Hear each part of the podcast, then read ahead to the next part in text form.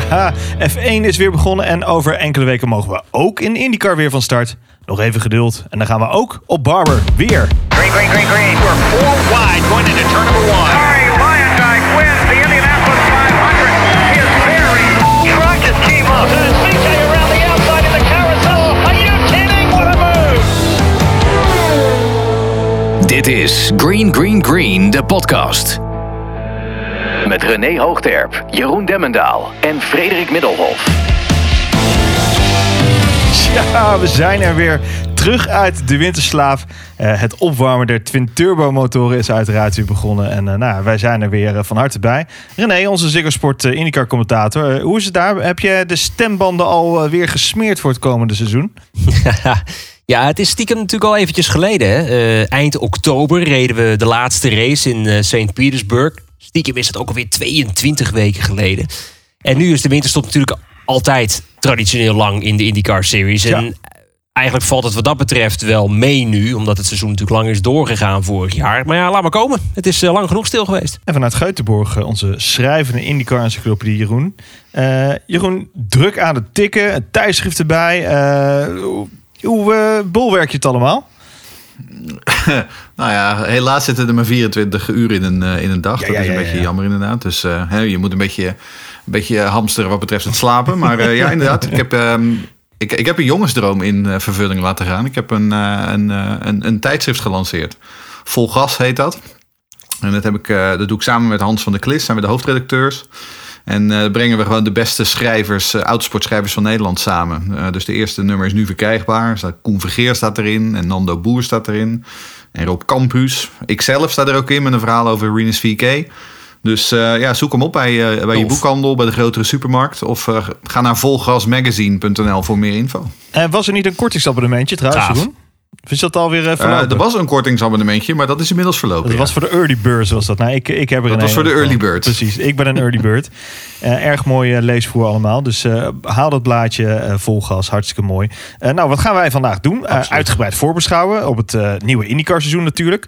Ons tweede seizoen als de IndyCar podcast van Nederland, mannen. En dat moeten we echt hoog houden met verven. Want we zijn nog steeds de enige. En dat, laten we, dat wil ik ook graag zo houden. Maar hè, concurrentie is altijd welkom natuurlijk. Eh, het tweede jaar voor onze Hollandse hoofddorpse held Rinus 4K. En hopelijk eh, natuurlijk een coronavrij seizoen met 17 spectaculaire races.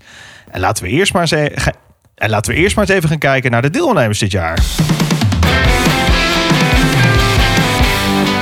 24 fulltime auto's dit jaar. Dat is er eentje meer dan vorig jaar. Eh, daar moet wel bij worden aangetekend dat we nog steeds wachten op officieel bericht van Carlin. Ehm, dat is een formaliteit, toch Jeroen of niet? Ja, dat leg ik zo meteen uit, ja. Maar ja, Hoe dan ook een gezond veld. En eh, ja, dus wordt de strijd om de Leaders Circle Center dit jaar extra spannend.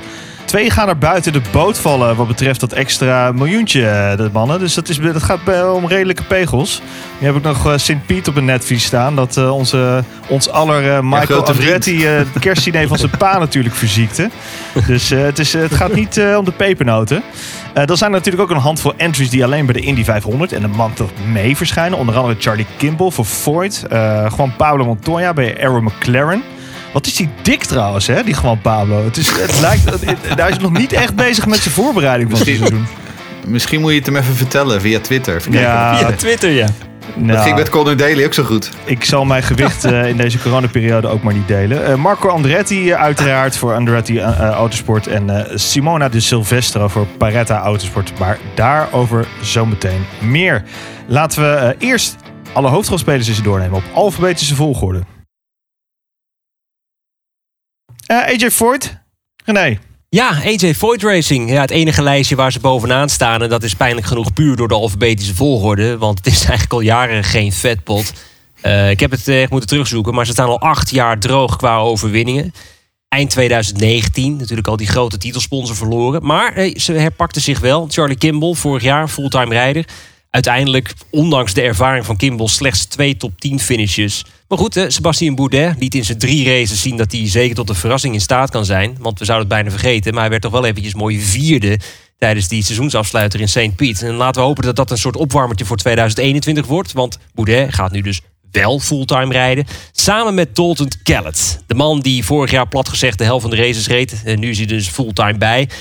Jeroen, Dalton Kellett. Daar hebben we het al vaker over gehad. Waar moeten we hem nou eigenlijk mee vergelijken? Eh, ja, Dalton Kellett is natuurlijk gewoon de Nicolas Latifi van de IndyCar. Ja, hoor. Eh, Hij gooit hem er gewoon Heel snel in. is hij niet. Ik zat erop te wachten het, is, het is wel zo. Kijk, ik bedoel, Marco, daar hadden we het al over, dat is Lance Stroll. ehm, en eh, Dalton is Nicolas Latifi. Hij is niet heel snel, maar eh, hij maakt weinig brokken.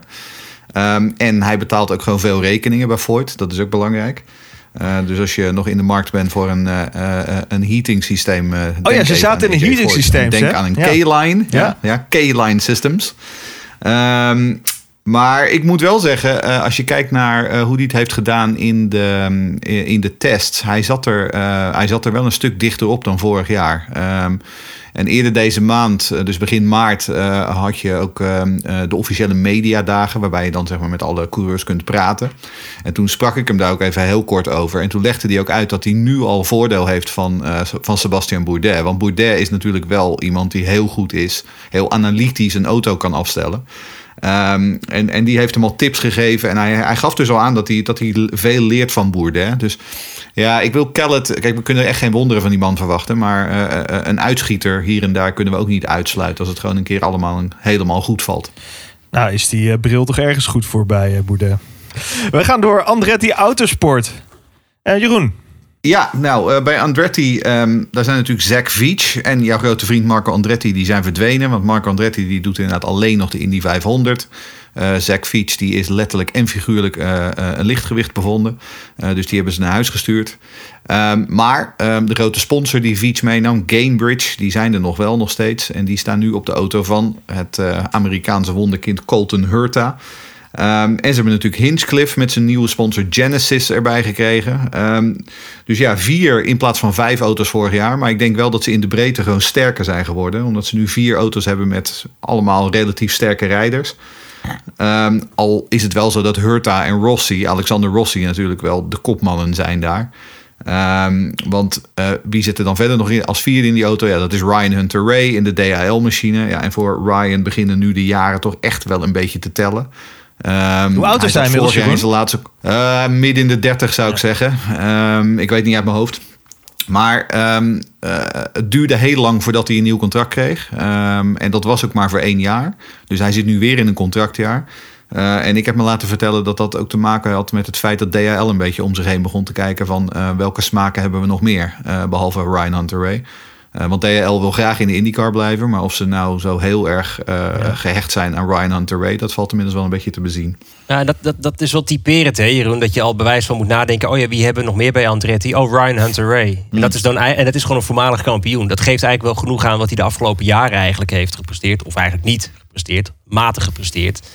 Nou ja, wat je ook al zegt, hè, het is eh, misschien kwantitatief een kleiner team geworden. Maar eh, nu, met de komst van Hinchcliffe en met vooral het verdwijnen van Andretti en eh Fiets als fulltime rijder, hebben ze zoveel meer kwaliteit over de complete linie van het team. Ik ben heel erg benieuwd hoe dat zich gaat ontvouwen. Andretti vorig jaar natuurlijk een vreselijk seizoen. Rossi staat nu ook al een ruime jaar droog qua overwinningen. Hurta wordt ook nog steeds volwassener. En het zou naïef zijn om ze niet als outsiders te betitelen. Ja, voor Hunter Ray, ik heb echt het idee dat dit eh, zomaar het laatste jaar zou kunnen zijn. En dat hadden we misschien vorig jaar al. Dat, eh, misschien heeft hij al eh, reservetijd dit jaar. Zou zomaar kunnen. zou dat perspectief bieden voor Rinus, denk je René? Nou, in die zin niet, omdat eh, eh, in mijn ogen is eh, nu nog in ieder geval Rinus een Chevy-man. Ja. En Andretti rijdt eh vooralsnog voorlopig echt wel met Honda. Dus ik, ik, ik zie daar niet, niet een opening, eerlijk gezegd. En daarnaast moet je ook bedenken, ehm, kijk, als je eh, als Rines zijnde over zou stappen naar Andretti, ehm Hurta en Rossi gaan voorlopig nergens naartoe. Eh, dus je bent sowieso niet hè, de enige kopman. Je moet dan dus zeg maar voor je plekje gaan vechten tegen Rossi en Hurta. Ehm, dus Andretti lijkt mij geen ideale bestemming voor, eh voor Rines. Nee, en wat betreft eh, Marco Andretti, eh, de beste man. Ik kan me niet voorstellen dat hij tot eh, de Montemee aan de zijlijn gaat staan. Hij zal vast nog wel een of ander open bolderkarrenkampioenschap gaan doen ergens. nou, hij schijnt inderdaad wel interesse te hebben inderdaad, om een beetje om zich heen te gaan kijken. Misschien dat hij wat NASCAR gaat doen, wat IMSA. Hij wil wel wat dingen uit gaan proberen, ja. Ehm, maar aan de andere kant, Marco Andretti heeft wat was het, 2011 geen race meer gewonnen in de IndyCar. Dus ehm, het was wat dat betreft gewoon de juiste beslissing om eh, voor dit seizoen eh, zijn, zijn fulltime helm in ieder geval aan de wilgen te hangen. En dan doet hij de 500 nog een keer. Nou, dat is prima. Maar ehm, nee, Ach, en hij heeft ook een hele batterij eh, zakelijke activiteiten ook, waar hij waarschijnlijk wel zoet mee is. Bovendien gaat de familieonderneming gaat nu naar de beurs, dat leerden we vandaag. Dus ehm, die gaan even 250 miljoen dollar ophalen bij de Amerikaanse aandelenmarkt. Dus, eh, Geen Marco Andretti meer, maar wel aan de coulissen in de, de Podcast Guru eh, studio in elk geval. eh, waar die vereeuwigd is eh, samen met zijn uh, Quali Lab vorig jaar. Dus we zullen hem altijd herinneren daaraan. Eh, wat verwachten we van Hinchcliffe dit jaar, wil Vincent weten. Ja, doe deze het stil, hè? Ja, nee, het is, eh, bij Hinchcliffe is het elk jaar dat je denkt van... nou, nu gaat hij wel weer echt... Nou, laat ik het anders zeggen. Hij is ontzettend sympathiek. Het is een beetje de Mark Webber. Dan gaan we toch een beetje Formule 1 eh, vergelijking maken. We proberen dat zo min mogelijk te doen, maar vooruit. Ik denk dat een Mark Webber vergelijking wel heel eh, passend is. Eh, waarom? Hij is ontzettend sympathiek. Het is een ontzettend leuke gozer om gewoon in, in, de persbabbeltjes. geweldig. Maar ik weet niet of het een echt topper is. En ehm, kijk, natuurlijk denk ik wel dat, dat Hinchcliffe veel beter is dan een Fiets of Marco Andretti. Ik denk stiekem ook wel dat de Hinchcliffe voor 2021 ook sneller is dan Ryan Hunter Ray. Eh, dus ik denk dat hij wel de derde, maar hij is dan ook wel echt de derde rijder van, eh, van, van, van Andretti. Ja, hij gaat niet het tempo van Hurta en Rossi op regelmatige basis eh, pareren, denk ik. Nee, als hij een hele goede dag heeft, kan Hinchcliffe gewoon races winnen. Dat, dat- zo is het gewoon. Zeker. Ehm, maar Zeker. wat je zegt, is het een echt een, top, een topcoureur die een team aan de hand gaat nemen? Nee. Wat wel zo is, hij is natuurlijk commercieel gezien is hij heel belangrijk eh, voor eh, de Canadese markt. Hij heeft hele nauwe banden met Honda in Canada. Ehm, we weten dat Honda in Canada een grote sponsor is van de race in Toronto. Dus nou ja, al die commerciële belangen eh, die in IndyCar, die moet je altijd in je achterhoofd houden. Want die zijn daar mogelijk nog belangrijker dan in de Formule 1. Eh, die spelen gewoon mee. Dus hij is commercieel ook gewoon een interessante man. Dan de Brits-Amerikaanse alliantie van Arrow McLaren SP. Eh, Gino Morillo Morales vraagt dan ook over het team. hoe schatten jullie het groeitraject van Arrow McLaren SP in? Het team heeft dit jaar veel meer voor ogen. Maar zien jullie de groei in de volgende jaren zelfs nog groter worden? Of is de part of the Big Four wel het hoogst haalbare? Nou ja, wat ik, wat ik zo knap vind is dat McLaren eigenlijk in mijn ogen in dat ene jaar al zoveel indruk heeft achtergelaten. Eh, je zou bijna vergeten dat het ooit Smith Peterson Ja. Motorsport was. Eh, dat, dat, dat, dat, nou, dat vond ik bijna vreemd van mezelf. Ik, oh ja, het was natuurlijk SPM. Heel, heel raar dat je zo dat ze in één, dat ene jaar zoveel indruk hebben achtergelaten. En dan ga ik toch één keer nog eventjes weer een parallel maken met de Formule 1. Hoe vaak moesten we vorig jaar nog de Racing Points eh Force India noemen? Tenminste, dat deden we, maar het was eigenlijk een Racing Point. Eh, nu heeft McLaren ook in de IndyCar gewoon weer een goede naam neergezet. En terecht, want het gaat alleen maar interessanter worden. Want Award was vorig jaar al sterk en hij blijft. Askew is weg, maar daar is wel de snelle zweet Felix Rozenquist voor in de plaats gekomen. Misschien had hij een wat mager jaar in 2020. Eh, zo eerlijk moeten we ook weer zijn. Maar ik denk persoonlijk dat ze echt wel die stap moeten kunnen zetten. om richting de echte top te gaan. Misschien inderdaad wel part of the big four, zoals eh, Gino zegt. Ja, nee, ik denk, eh, ik denk het zeker. Ik verwacht heel veel van Arrow McLaren SP. Ehm, wat je niet moet vergeten is dat er vorig jaar ehm, al plannen waren om die technische samenwerking met McLaren in, in Engeland heel nauw aan te halen. Ehm, door de hele eh, COVID-pandemie hebben ze eh, veel van die plannen moeten uitstellen.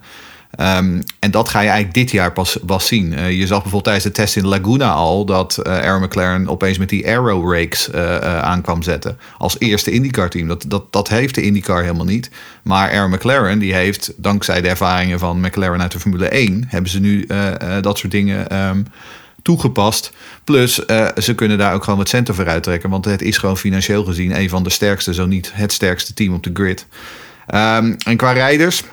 Ja, ik heb het. Tja. eh, degene die mij op Twitter volgen, die weten ehm, eh, dat ik onlangs al schreef. Ik denk dat Pato een dark horse is. Ik denk dat Pato Award, als alles het goede kant op valt, dan kan hij zomaar kampioen worden dit jaar. Want zo goed vond ik hem vorig jaar. Ehm, ik bedoel, we hebben het ooit Jacques Villeneuve zien doen, die in zijn tweede volledige seizoen eh, eh, gewoon eh, wegliep. En, en het ogenschijnlijke topteam Penske gewoon achter zich liet. Ik denk dat Pato Award het ook kan. Het Felix weet Ja. ik het niet. Met Rosenquist weet ik het niet. Ik bedoel, die, die had vorig jaar toch echt gewoon een heel zwak seizoen. Ehm, eh, vooral na dat hele sterke rookie seizoen Ja. bij Ganassi. En toen vorig jaar is die, viel die eigenlijk gewoon een beetje door de mand.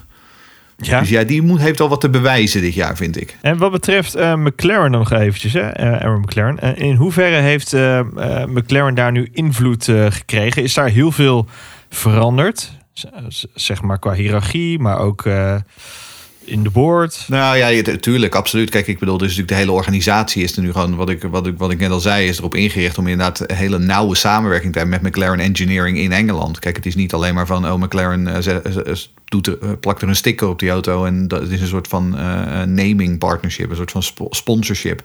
Het is echt een samenwerking.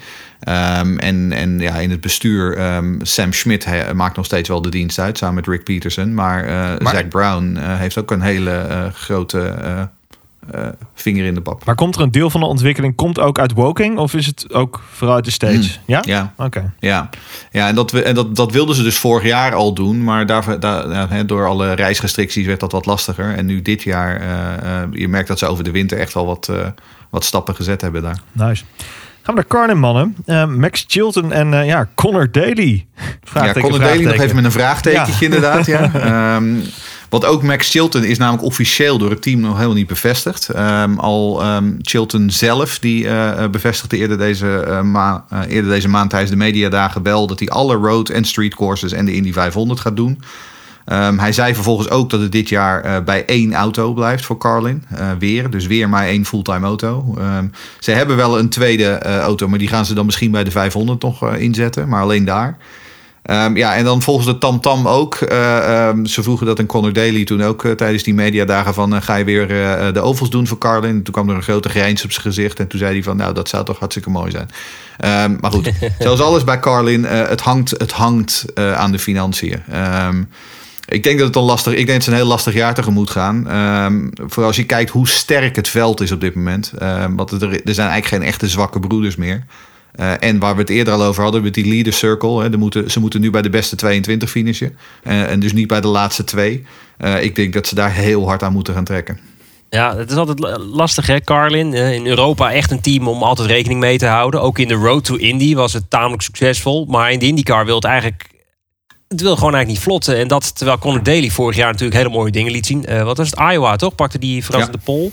Dus, het, dus het, ik heb het idee dat de auto vaak beter is dan... eh, nou, ja, het is eigenlijk een heel simpele opmerking. De auto is beter dan dat Max Chilton laat zien. Ik denk dat dat het ook is. Is Max Eh, Chilton niet een beetje ja, de Antonio Giovinazzi van de IndyCar? Nou, je- het punt is, kijk, eh, Chilton die kwam toen natuurlijk naar Ganassi toe. Daar had hij één seizoen. Eh, dat was niet heel best. Vervolgens ging hij naar Carlin. Hij heeft sinds hij in 2018 voor Carlin is gaan rijden... hij is nog geen enkele keer in de top 10 gefinished. Dat moet je, hè? drie seizoenen tijd. Heeft hij geen enkele top 10 finish gehaald. treurig, Ik bedoel, ja. Dat zegt genoeg. Ja.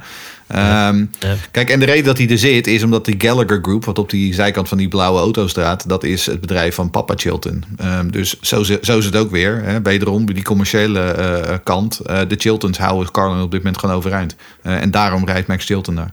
Eh, niet omdat hij nou zo geweldig is. Nee, maar dat was hij in Formule 1 ook niet. Dus eh, hij zet lekker Nee. zijn legacy voort. Eh, Chip Ganassi Racing mannen. Scott Dixon, Marcus Ericsson, Alex Palou, eh, Jimmy Johnson, Tony Kanaan. Die eh, wisselen stuivertje de laatste hè? Ja, ja, nou kijk, grootmacht Chip Ganassi Racing. Dit jaar dus, hè, we hadden het net al over, zonder Felix Rozenquist. Maar nog wel met Marcus Eriksen. En oh ja, ze hebben ook nog eventjes zesvoudig kampioen eh, Scott Dixon binnen de gelederen.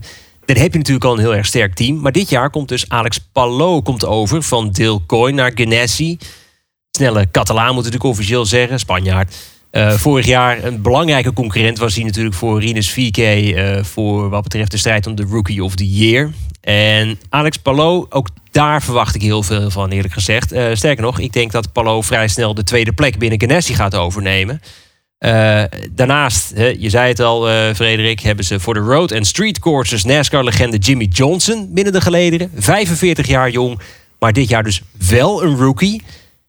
Ja, eerlijk, Jimmy Johnson, geweldig voor de marketing. Eh, echt, echt een enorm grote naam in de VS en dus voor het aanzien van de IndyCar Series in de VS een geweldige aanwinst. Maar ik denk dat het een lang jaar gaat worden voor eh, Jimmy Johnson. Wat denk jij, Jeroen?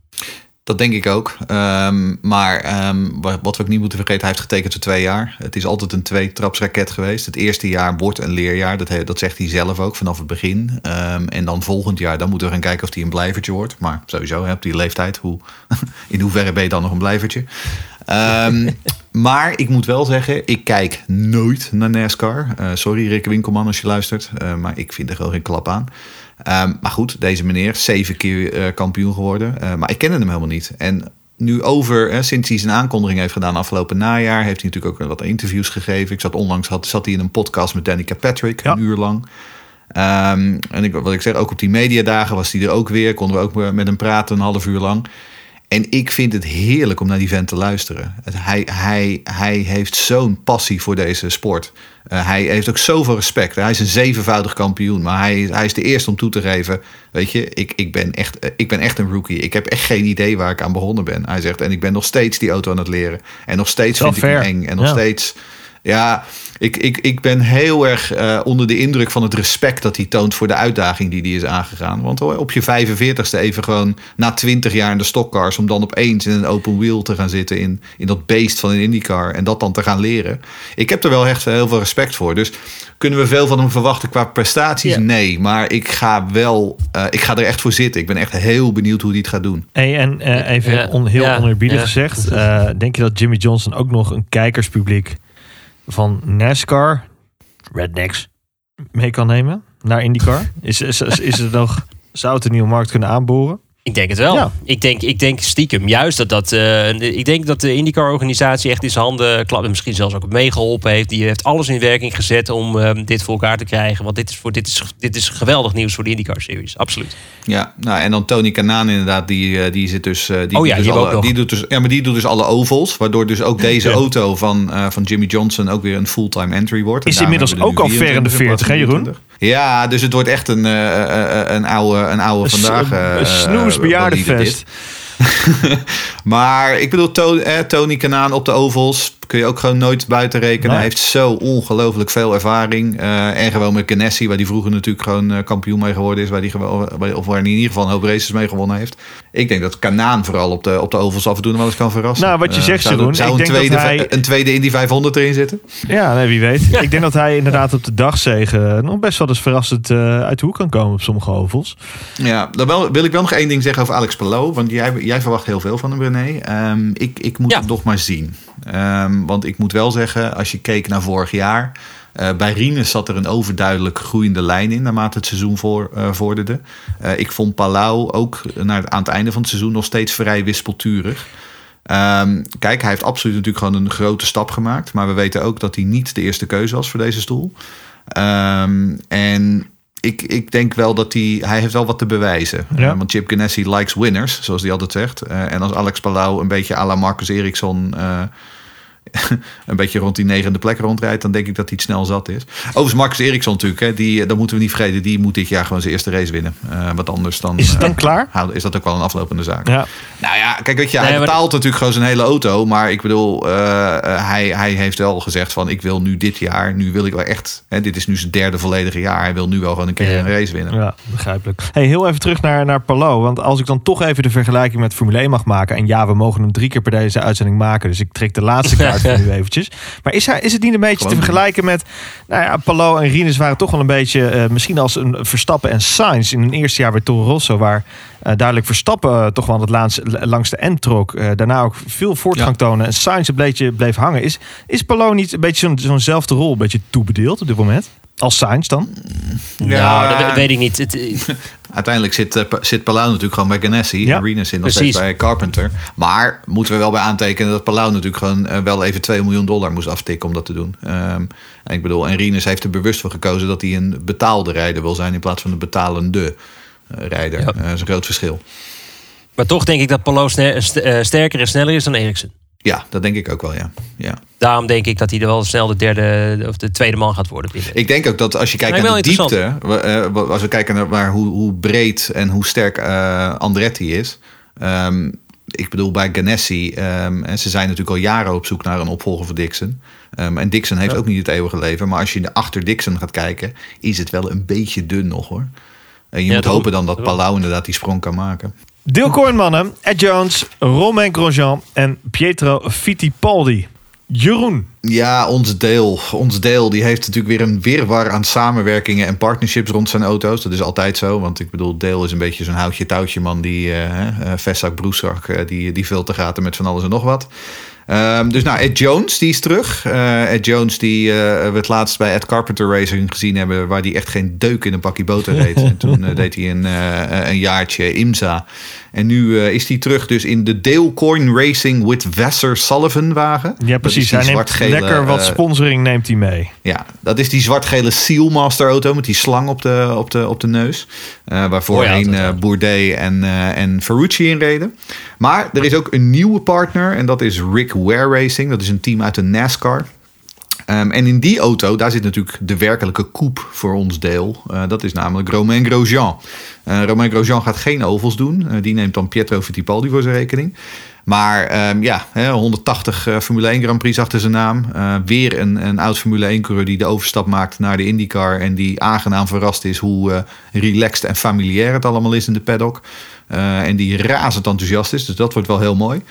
Ehm, interessant overigens met Pietro is dat hij aanvankelijk fulltime zou gaan rijden. Ehm, en die zou dus eigenlijk in die stoel van Ed Jones gaan zitten, maar hij krijgt de centen niet rond. En eh, dus mag hij nu eh, een paar oval races doen. Eh, die kon hij dan wel betalen. Ehm, en dan is er dus nog een tweede auto van uh, Dale Coyne en dat Rick Ware Racing. Die gaat in ieder geval tijdens de 500 eh, rijden. Aannemelijk dat James Davison achter het stuur komt te zitten, net als vorig jaar. Ehm, en eh, tijdens een select aantal andere races. En het verhaal gaat dan dat Cody Ware, en Cody Ware is een NASCAR-coureur, en dat is inderdaad de zoon van Rick Ware, ehm, in Detroit eh, aan de start zou verschijnen. Wat ik een hele opmerkelijke eh, gang van zaken vind. Want dat is niet bepaald het makkelijkste circuit om je Nee. debuut te maken. Zo. Maar goed. Het is ook weer typisch Deelcoin. Ja, Deelcoin, eh, altijd een interessant team. eh, beduidend kleiner dan de rest. Maar kan op een goede dag gewoon echt wel voor leuke verrassingen zorgen. Hebben we met Ferrucci gezien. Hebben we natuurlijk ook vorig jaar eh, sporadisch gezien met Alex Polo. Eh nou ja, eh, je noemde het al Jeroen. Ed Jones is weer terug bij het team waar hij in 2017 ooit zijn IndyCar debuut maakte. Was toen oké-ish. Maar ja, viel behoorlijk tegen toen bij Ganassi. Dus eh, ik, ik ben, eh, het is, het is nou, vooral Romain Grosjean. Ja, ik ben ook heel erg benieuwd wat, daar, eh, wat daarvan eh, gaat komen. Volgens mij is er ook een vraag over binnen. Ja, zeker. Nou, Jeroen, Overigens je zegt trouwens, eh eh, Romain Grosjean is aardig eh, aangenaam verrast. Nu moet ik zeggen dat hij in zijn tweede leven overal wel aardig eh, aangenaam verrast over is. Wat op zijn pad komt op dit moment.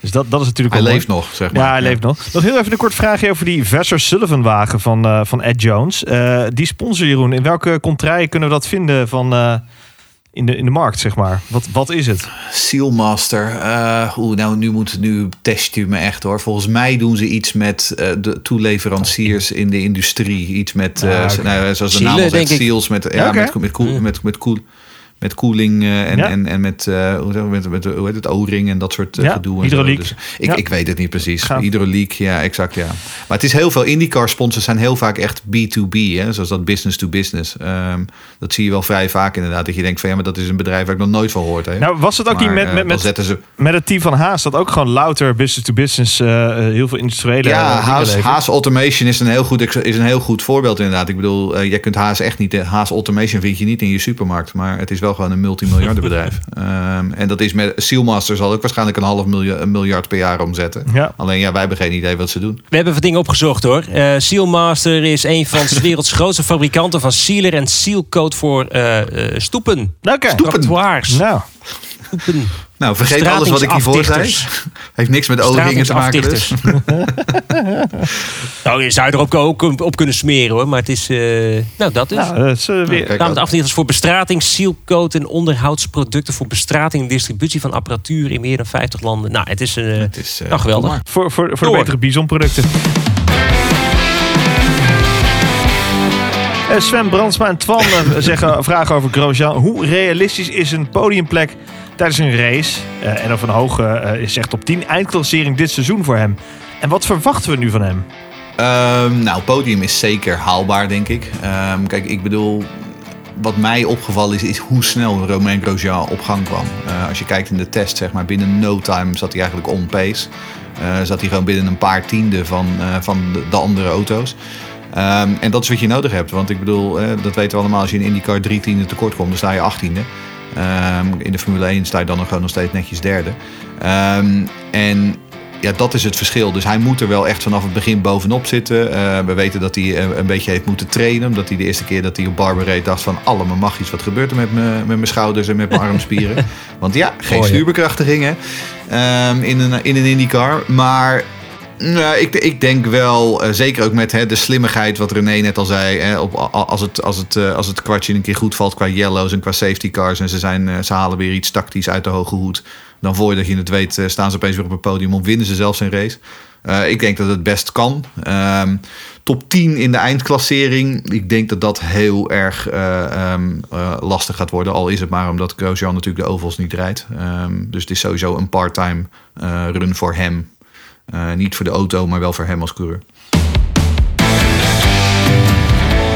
Ed Carpenter Racing, Rinus van Kanthout, eh, de Olijke Hoofddorper en eh, Connor Daly zijn dit jaar het illustere duo voor het team. Wat denken we ervan, mannen? Ja, ik denk dat het sleutelwoord voor Ed Carpenter Racing eh, continuïteit is. Want eh, voor het eerst in jaren zijn er namelijk geen veranderingen op het rijdersvlak bij het team. Eh Rinus natuurlijk de overduidelijke kopman. Natuurlijk ook gevoed door zijn prima debuutseizoen met de bekroning van Rookie of the Year. Ja, en zal dus dit jaar, los van Ed Carpenter zelf op de ovals... wederom Connor Daly na zich hebben op de roadcourses. Daly, de jobhopper binnen het IndyCar-veld... heeft dus uiteindelijk ook eens twee seizoenen eenzelfde team als werkgever. Dat is voor hem misschien ook even een wat eh, rustige kerst geweest. Hoeft hij wat minder sollicitatiebrieven te sturen. Dus het was, eh, wat dat betreft continuïteit. Ik denk dat het heel erg belangrijk is, toch Jeroen? Ja, ik hoop alleen eh, vooral dat de Space Force gewoon weer terugkomt. Want dat is het belangrijkste. Eh, vooral nu we, nu we Dragon Speed kwijt zijn, hebben we natuurlijk wel gewoon de Space Force nog nodig. eh, in ieder geval Ja. bij de Indy 500. Ja, en je zei het al, Rinus hè, is natuurlijk de, de, de overduidelijke kopman. Dat merk je ook aan alles. Het team ehm, ziet hem ook als, nou ja, noem het een nieuwe Joseph Newgarden. Een, een, een jong talent, een potentiële racewinnaar slash kampioen waar ze een team omheen kunnen bouwen. Ehm, dat merk je ook aan zijn contractpositie, want hij zit steviger in het zadel dan ooit. Ehm, wat namelijk, hij heeft natuurlijk afgelopen najaar een nieuwe deal getekend. Ehm, en hij zit nu in ieder geval voor de komende twee jaar in de IndyCars. Eh, hij heeft een tweejaar contract met, met, met ECR. En daar zitten ook, dat is interessant, hij heeft, daar zitten prestatieclausules in, zoals dat die in ieder contract zitten. Maar die zijn interessant genoeg niet op hem van toepassing, maar op het team. Eh, dus Rinus heeft het zo uitgenodigd, eh uitgeha- onderhandeld ehm, dat het team eh, een, een bepaalde minimale prestatie moet leveren. Ehm, en dan eh, blijft hij. En anders dan heeft hij eh, nou, in ieder geval de vrijheid om aan het einde van het seizoen dus om zich heen te gaan kijken. Oké, oké. Ehm, kijk, en dat geeft natuurlijk wel aan hoe sterk zijn positie is binnen het team, maar ook gewoon op de grid. Dus ook voor hem, ook zekerheid, continuïteit zijn ook hier voor hem de, de, de, de, de sleuteltermen.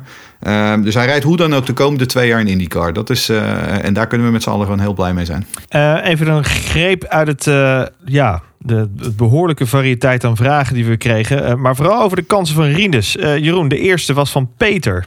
Ja, die, eh, die wil graag weten: denken jullie dat er al vergaande gesprekken zijn met grotere teams? Of wachten ze echt dit seizoen af bij ECR met Rinus? Nou ja, dat is eigenlijk eh, in het verlengde wat ik net al zei. Ehm, kijk, gesprekken zijn er altijd. Want zelfs als je ergens in de, in, in de paddock in de ronde loopt en eh, je gaat eens buurten, dan, nou ja, dan, of je komt ergens in Indianapolis in een restaurant, kom je eens iemand tegen. Dus er wordt altijd gepraat. En iedereen die houdt ons Rinus in de gaten.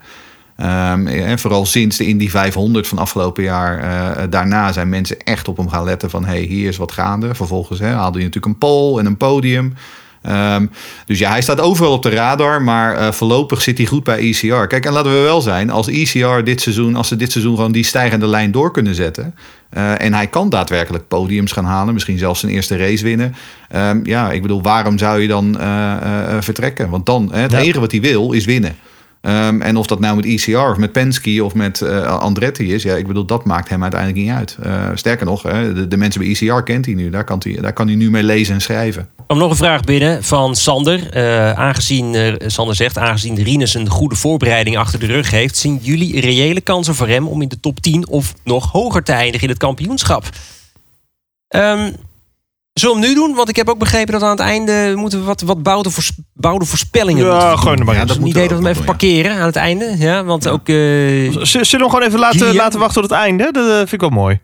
Ja, Gillian vraagt ook wat zijn reële doelen voor Rinus dit seizoen. Zullen we dat ook gewoon eventjes aan het Ja, einde dan parkeren? gaan we ook naar het einde En volgens mij heeft Esther ook nog een vraag, toch Jeroen?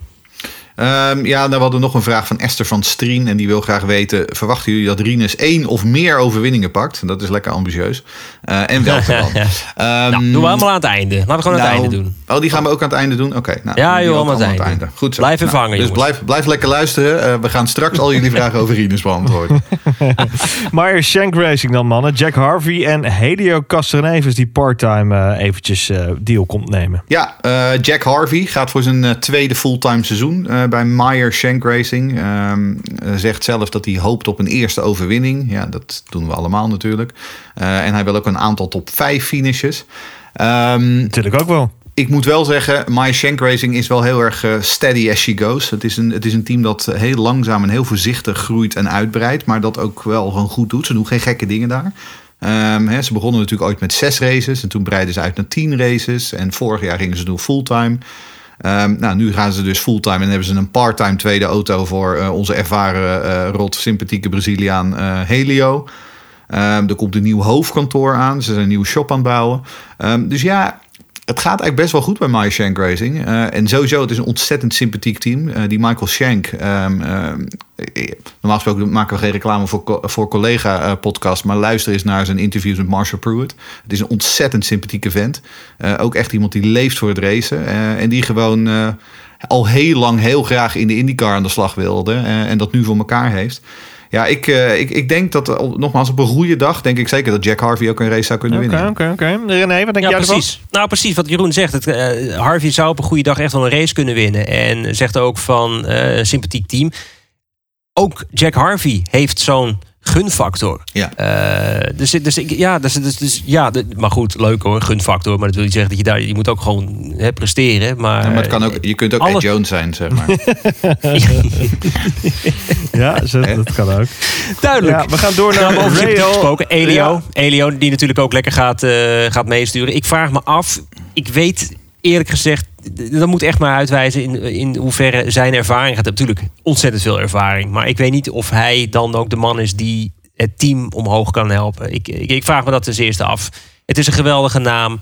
Eh, ging volgens mij eerst wat meer races rijden dan wat nu uiteindelijk gaat gebeuren. Nee, hij ging is- eerst, is hij heel- ging eerst eh, Barber ook doen. En dat hebben ze vervolgens ingewisseld ja. voor, eh, voor Nashville. eh, omdat ze een Oh, ja. speciale sponsor voor die Nashville race hadden. Maar goed, ja, het is een, eh, zeker een outsider. Interessant. Nou ja, kijk, en Helio heeft natuurlijk wel gewoon 20 jaar bij Penske achter, achter zijn naam staan. Hè? Dus hij weet hoe Penske werkt. Hij weet hoe een topteam georganiseerd is. Eh, weet je, en ik denk dat op dit, vooral organisatorisch en gewoon eh, eh, op die manier ervaring en, en, en die ke- diepe kennis die hij heeft. Ik denk dat een team als Meyer Shank daar best wel voordeel van kan hebben. Ja. Ehm, en Ja, dat- maar Marja Schenk heeft zelf toch ook wel ervaring in natuurlijk andere raceklassen, toch? Dat is wel Dus dat zo, betreft. maar Helio heeft wel heeft, eh, eh, in zijn eentje vijf keer zoveel meer IndyCar ervaring als heel Meyer Shank Racing. Dus ik bedoel, Eens. Absoluut. En we willen altijd nog een Helio weer zien winnen. Dat is niks mooier dan dat. Eh Rail Letterman Lanigan Racing. Gwent Graham Rail. En Takuma Sato. Ja, wanneer gaat Rail, Letterman, Lanigan Racing nou echt meedoen in die top? Hè? Laatste top 5 klassering in het kampioenschap. Ik moest hem ook weer opzoeken. 2016, Oh. hè? Dat is echt wel eventjes terug. Maar goed, vorig jaar hadden ze natuurlijk wel de grootste winst van het jaar... met de overwinning van eh Takuma Sato bij de Indy 500. Maar ja, dat zijn geweldige dagsuccessen. En natuurlijk Bobby Rail was als een kind zo blij... maar daar doet hij het niet, niet, niet, niet echt voor. Het gaat om echt om de titels. Weer echt meedoen, of nou ja, meedoen om titels. Eh, Graham Rail, sinds Detroit 2017, waar hij die dubbele overwinning pakte, daarna niet meer op eh Winner Circle geweest. Dus dat is ook wel, ook wel zoiets. Dus het mag wel eens een keer gaan gebeuren. Of dat dit jaar gebeurt, ik vraag me af. Ehm, tuurlijk, het was geweldig wat Takuma Sato deed.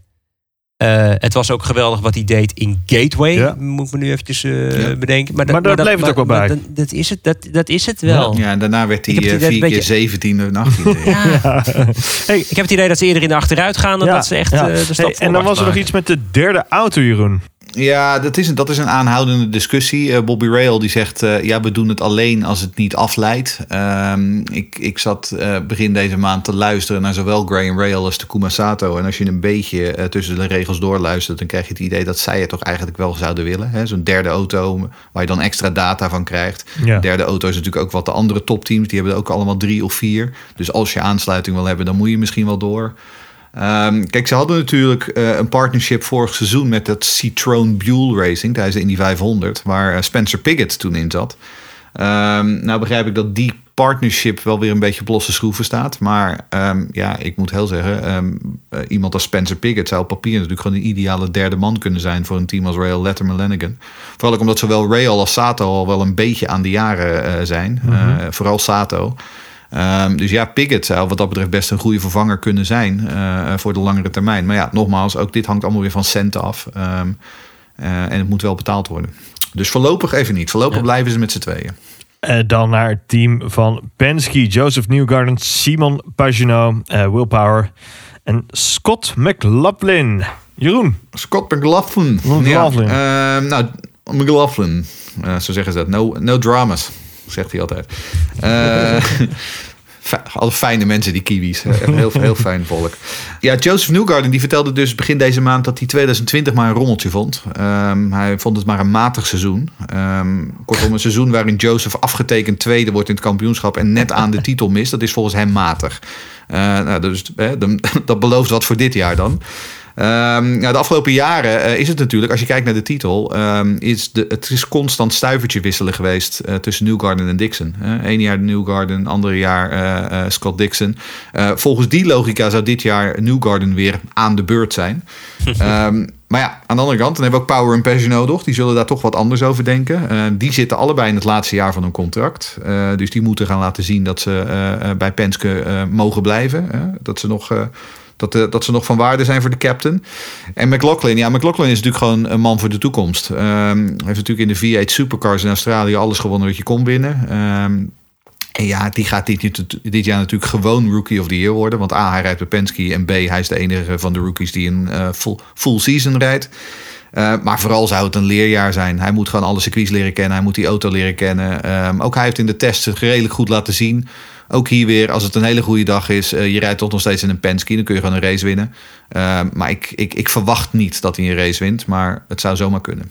Ik vraag me af, gaat het nu dan wel het laatste jaar worden van Pagenaud? Hè, We hebben het volgens mij vorig jaar al een paar keer gezegd. Eh, en voor Power geldt misschien wel hetzelfde. Eh, kijk, Power heeft nog wel eens laten zien dat hij het tempo heeft. Zeker in de kwalificatie. En Ja. zou als alles even mee zit en alles even in de bovenkamer eventjes allemaal op de goede plek ligt... dan kan hij in de race ook wat goede dingen doen.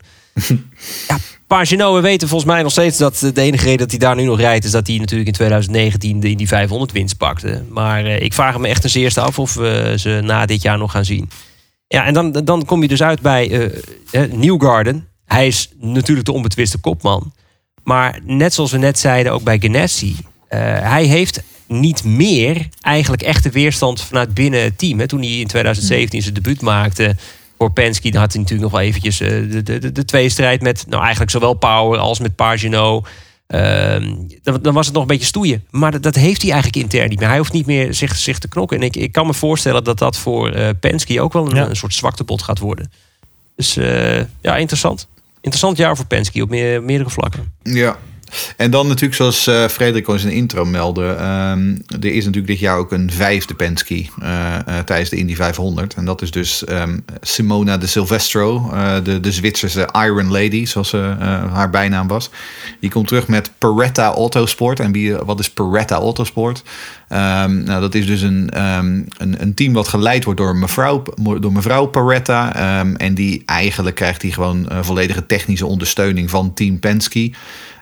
En ook dit project heeft dan weer te maken met die Race for Equality and Change. Wat eh, eh, na dat eh, veelbewogen eh, jaar 2020 eh, gelanceerd werd door de IndyCar-organisatie. Om ook die verscheidenheid in, in, de sport een beetje meer aandacht te geven.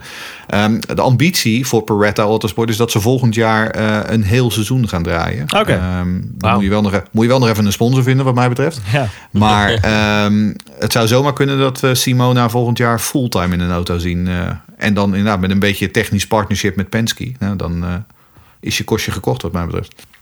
Dat was hem, mannen. Goed, dat was dus het deelnemersveld. Laten we eens gaan kijken naar de kalender. We hebben dit jaar 17 races in totaal. 6 roadcourses, 5 streetcourses en 3 ovals.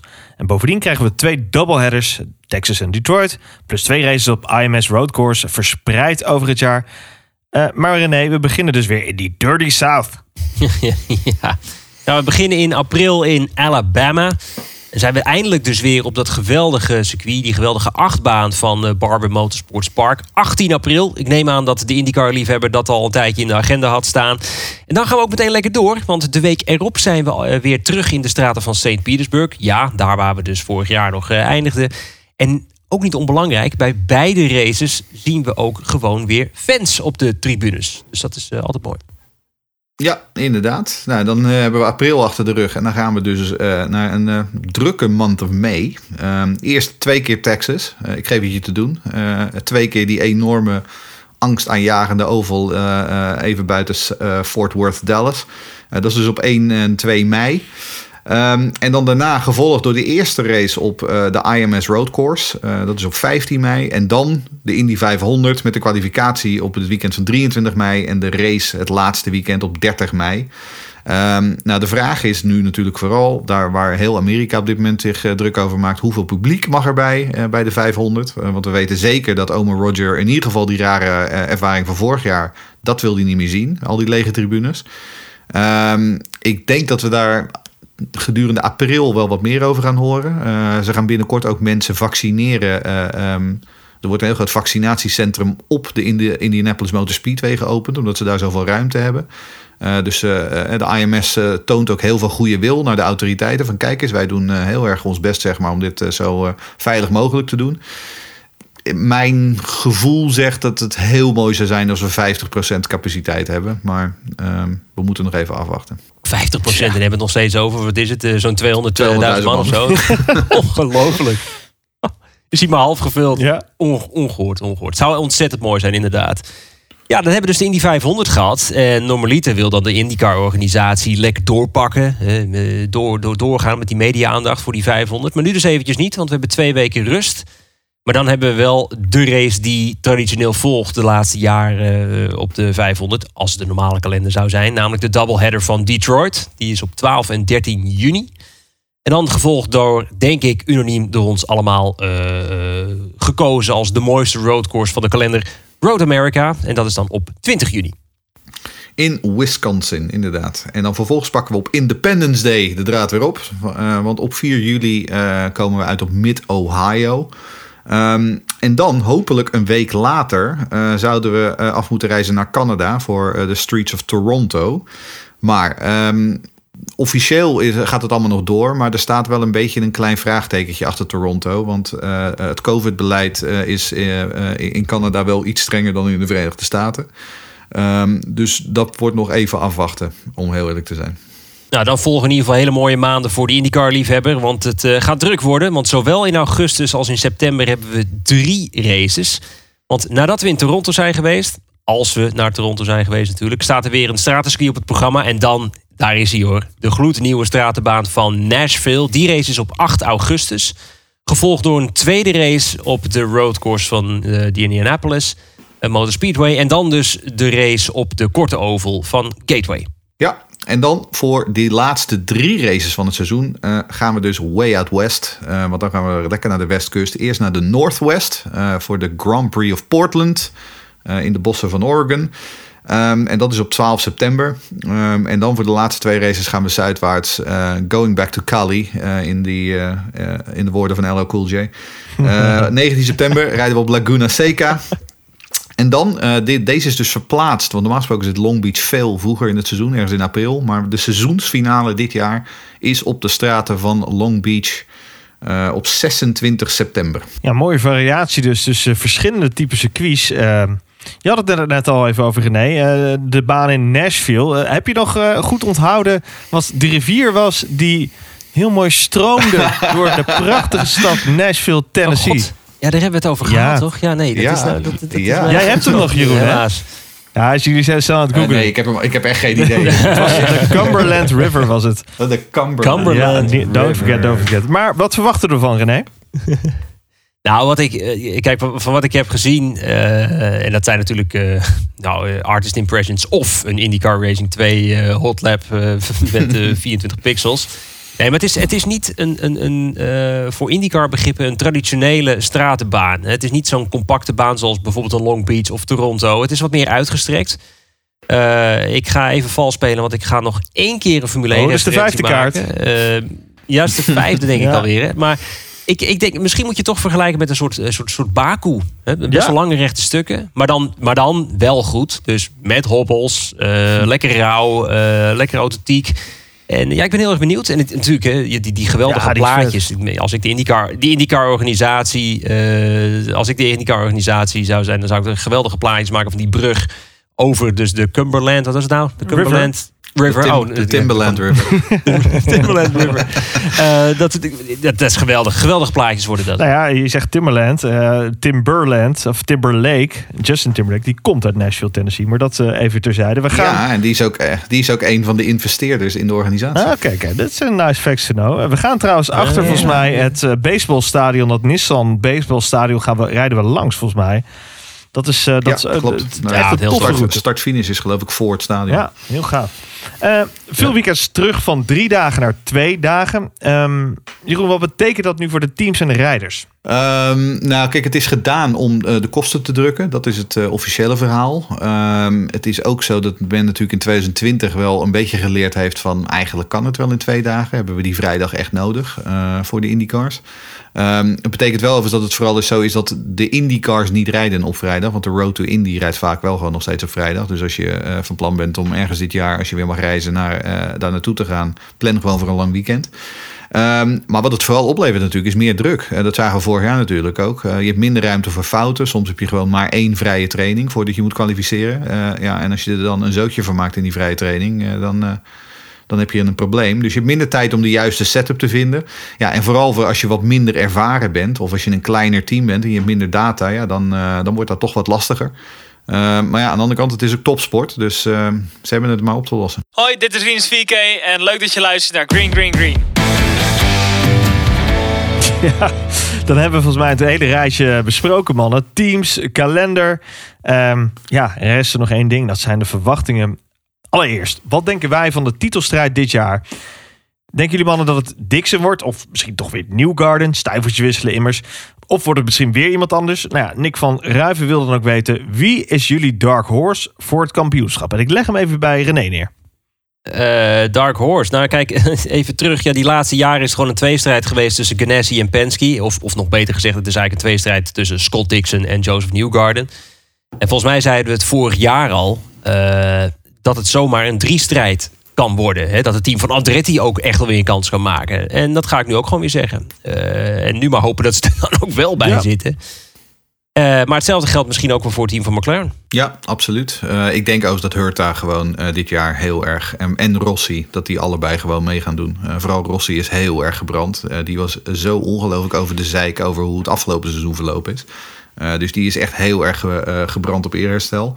Maar eh, wat ik eerder al zei, ja, ik ga mijn nek uitsteken. Eh, ik denk dat het wel eens Pato zou kunnen worden. Pato wordt. Ehm, ja, ik denk dat Pato, als we nou hebben over een dark horse...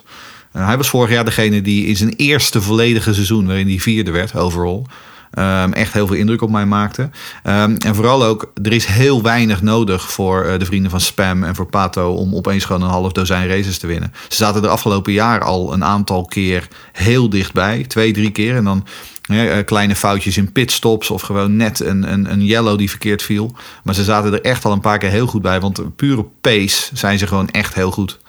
Ik denk, uh, uh, ik denk dat het Pato zomaar eens zou, zou kunnen worden. En anders ga ik voor Newgarden. Ik ga gewoon voor Newgarden. Dan achter die kopgroep uh, wordt het natuurlijk ook druk. Er zijn veel ambities, veel grote plannen. Maar wie? Wie gaat zijn eerste race winnen? Wie gaat er verrassen? René. Ja, wie gaat zijn eerste race winnen dit jaar? Jeroen zei het al. Pato Award zat er tot twee keer toe heel dichtbij. Die moet eigenlijk wel. Die moet gewoon die eerste overwinning pakken dit jaar. Uh, ik zei het al eerder, ik verwacht veel van uh, Palo. En ik hoop verder gewoon dat er weer zo'n uh, zo'n zo'n zo lekkere gekke race tussen zit. Dat een, een, een Boudet wint na een dubieuze tactiek... waarvan iedereen denkt dat het niet werkt... maar uiteindelijk een gunstige yellow... dat het dan wel een winnende strategie blijkt. Weet je? Dat, dat, dat lijkt me echt geweldig, dat er weer zo'n zo'n rare race tussen zit. Die hebben we vorig jaar niet echt gehad, volgens mij. Zou het leuk zijn voor Voigt als Voigt weer zijn race. Ja, precies. Ja, precies. dat zou leuk zijn, ja. Ja, ik, uh, ik heb het volste vertrouwen in, uh, in Rinus en in Ed Carpenter Racing. Um, ik, uh, ik, ik denk echt dat die eerste zege er gaat komen dit jaar. Um, en dan weet ik nog niet waar. Misschien er, ergens op een stratencircuit, Toronto of zo. Of, eh, wat, dat, wat dat is het natuurlijk waar hij echt als, eh, als een vis in, zijn- in het water zit. Eh, misschien zelfs al op St. Piet. Ehm, hij is altijd op die stratencircuits, is die altijd net. eh, kan hij wat extra's eh, eh, leveren. Ehm, maar goed, Fred, eh, belangrijker. We hebben ook een vraag van Gillian. ehm, die denk ik voor mij speciaal voor jou is. Eh, want die vraagt: wie neemt het stokje over van Marco Andretti als de meest gewaardeerde coureur van de Green Green Green podcast? Ja, dat is wel een goeie. Ja. Wie, eh, wie, wie moet volgend jaar dat lijstje komen? Nou, ik heb net gehoord dat Ed Jones volgens mij wel een redelijk grote kans maakt. Maar ik denk dat de keuze een beetje gaat tussen Charlie Kimball en Ed Jones. Dus ik, ja, ik zeg nu zet ik hem eventjes op Charlie Kimball. Omdat ik gewoon weet dat, hij, dat zijn resultaten reeks is toch al bedroevend. Dus dat gaat hij gewoon even voortzetten. Maar als Ed Jones er ook nog een duit in het zakje kan doen... dan, eh, dan gaan we misschien eh, even een stuivertje wisselen na drie races of zo. Dan maken we even de balans op. Maar zullen we gewoon zeggen, mannen, dat Maar we... Kimball rijdt maar, twee- Kimball rijdt maar twee Ja, wedstrijden. t- oh, oké, dat is waar. Dus die kan niet zo heel erg veel fouten. Of bedoel je, of bedoel je, bedoelde jij Chilton? Chilton misschien. Ja, nee, ik bedoelde toch wel Kimmel. Maar Kimmel rij- rijdt maar twee wedstrijden. Maar eh, zal ik hem dan gewoon op Ed Maar Jones Chilton zetten? heeft al zoveel. Dus als hij nou ook nog zo'n plaats van jou krijgt... De, Ik ga nou, gewoon voor Chilton- Ed Jones met die fantastische Bison eh, Kit eh, sponsoring van hem.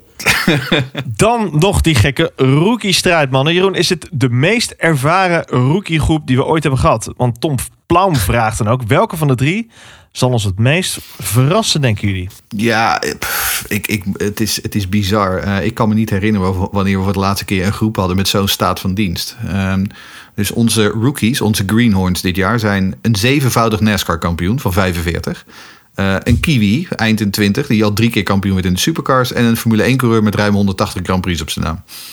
Ehm, ik had het eerder deze maand ook al even met Rinus over. Ehm, en ik zei, het contrast met de rookieclub van vorig jaar is, kan bijna niet groter zijn. Want vorig jaar waren het natuurlijk allemaal jonkies. Eh, allemaal totaal onervaren, eh, eh, net, net droog achter de oren. En nu zijn het dus allemaal van die veteranen. Ehm, ja, ik ben vooral razend benieuwd. Ehm, kijk, Scott die gaat natuurlijk gewoon die titel pakken, omdat hij de enige fulltimer is. Maar ehm, ja, ik, ik, wil, ik ben heel erg benieuwd hoe Grosjean het gaat doen. Ik, ik denk dat Grosjean nog wel eens wat mensen kan verrassen, ja. Eh, want Grosjean heeft natuurlijk toch nog steeds een beetje die reputatie uit de Formule 1 met zich mee. Dat hij altijd een beetje aan het miepen was en af en toe eh, eh, hem in de muur parkeerde. En ik sluit ook niet uit dat hij hem ook dit jaar wel een aantal keer in de muur parkeert. Maar ik denk ook dat hij een aantal keer heel goed uit de, uit de bocht gaat komen vliegen. En, en goed uit de verf. Positieve zin. Ja, precies. Nee, maar Romain Grosjean heeft natuurlijk ook gewoon... eh, eh, nou ja, het is inmiddels wel wat jaar, jaren geleden. Maar in zijn Formule 1 tijd bij Lotus was hij ook gewoon bij Vlaag echt gewoon heel rap. Dus als hij dat gewoon even naar zijn mojo kan terugvinden... denk ik dat we daar best wel veel kunnen verwachten. En ik denk eerlijk gezegd dat we echt niet veel kunnen verwachten dit jaar van eh, Jimmy Johnson. Dat eh, eh, NASCAR, eh, IndyCar, die werelden die kunnen bijna niet verder uit elkaar liggen. Hij moest zo wennen. En als je ziet, eh, nat- natuurlijk, Barber was dan eh, zijn, zijn, zijn vuurdoop toen volgens mij, waar hij echt twee seconden moest toegeven. Ik, eh, het gaat een lang jaar worden voor hem. Dus eh, we moeten het echt hebben van McLaughlin. Ja, het, En was, het, was, het gat was twee seconden en toen werd het anderhalve seconde en toen werd het een seconde en hij zit nu op punt acht. Dus hij, hij komt steeds dichterbij, Jimmy Johnson. Hij komt wel. Jawel. Het, het gaat duren, ja. Eh, tot slot onze voorspellingen, mannen, om aan het einde van het jaar eh, weer op terug te komen. Eh, ik ga de vraag stellen aan jullie en eh, zo snel mogelijk antwoord geven. Eh, René, wie wordt de kampioen? Eh, nou, die slinger, hè, die moet weer naar links slaan. Dus dan eh, wordt het dus uh, Newgarden. Jeroen, Eh, Pato Award. wie wordt er Rookie of the Year? René. Ah, McLaughlin, dat is, dit is heel makkelijk. Ja, Dat wordt McLaughlin, ja. Ja, ja toch wel. ja. Wint Rinus zijn eerste race de ja of de nee? Jeroen. Eh, ja. René. Oh, ik denk dat hij er dichtbij zit, maar dan net niet. Net niet. Waar eindigt niet. Rinus in het kampioenschap dit jaar? René. Oké, eh, je- je hebt Newgarden, je hebt Dixon, eh, Award, eh Rozenquist heel misschien, eh Palo, Kort Hunta, antwoorden. eh, P6, P7. Ja, sorry, P6, P7. Is misschien erg optimistisch, maar we gaan er gewoon voor. P6, P7. Eh, achtste. Wie wint de Indy 500? Jeroen. Rinus VK. René. Ja, Chevy moet terugslaan, hè. Het bommetje van de motor. Dus eh Chevy-rijder. Dan ga ik voor Newgarden met Rinus daar vlak achter. Dan is dat dus de race die Rinus er net niet wint. veel te lang. Welke twee autorijders vallen buiten de boot We, we voor de hebben nooit gezegd dat het één woord, we hebben nooit gezegd dat het één woord moet zijn. Eh, René. Jij maakt er opeens één woord van. Welke twee auto's Wat zei je? rijders vallen buiten de boot voor de leader circle? Eh Dalton Kellett, dat is makkelijk. Maar dan die tweede. Ed Jones. Ja, nee, sorry. Dan ga ik toch voor eh, Jimmy Johnson en Tony Kanaan, die Jeroen? auto. Eh, Dalton Kellett en eh, Max Chilton. Kanaan gaat namelijk die auto redden op de ovals. Ja, oké. Ja, maar hoe goed is hij geweest de laatste, hoe goed is hij geweest de laatste jaar op de ovals? Goed mannen, dit was hem weer. De grote voorbeschouwing op het 2021 seizoen. Laten we hopen dat we dit jaar een eh, wat meer normaler seizoen krijgen met lekker veel spektakel. We beginnen over een klein maatje in Barber en St. Piet. En wij melden ons daarna weer. Tot die tijd, blijf ons volgen op de Twitters via @indiepodcast.nl. En graag tot de volgende keer. Einde. Duppertje.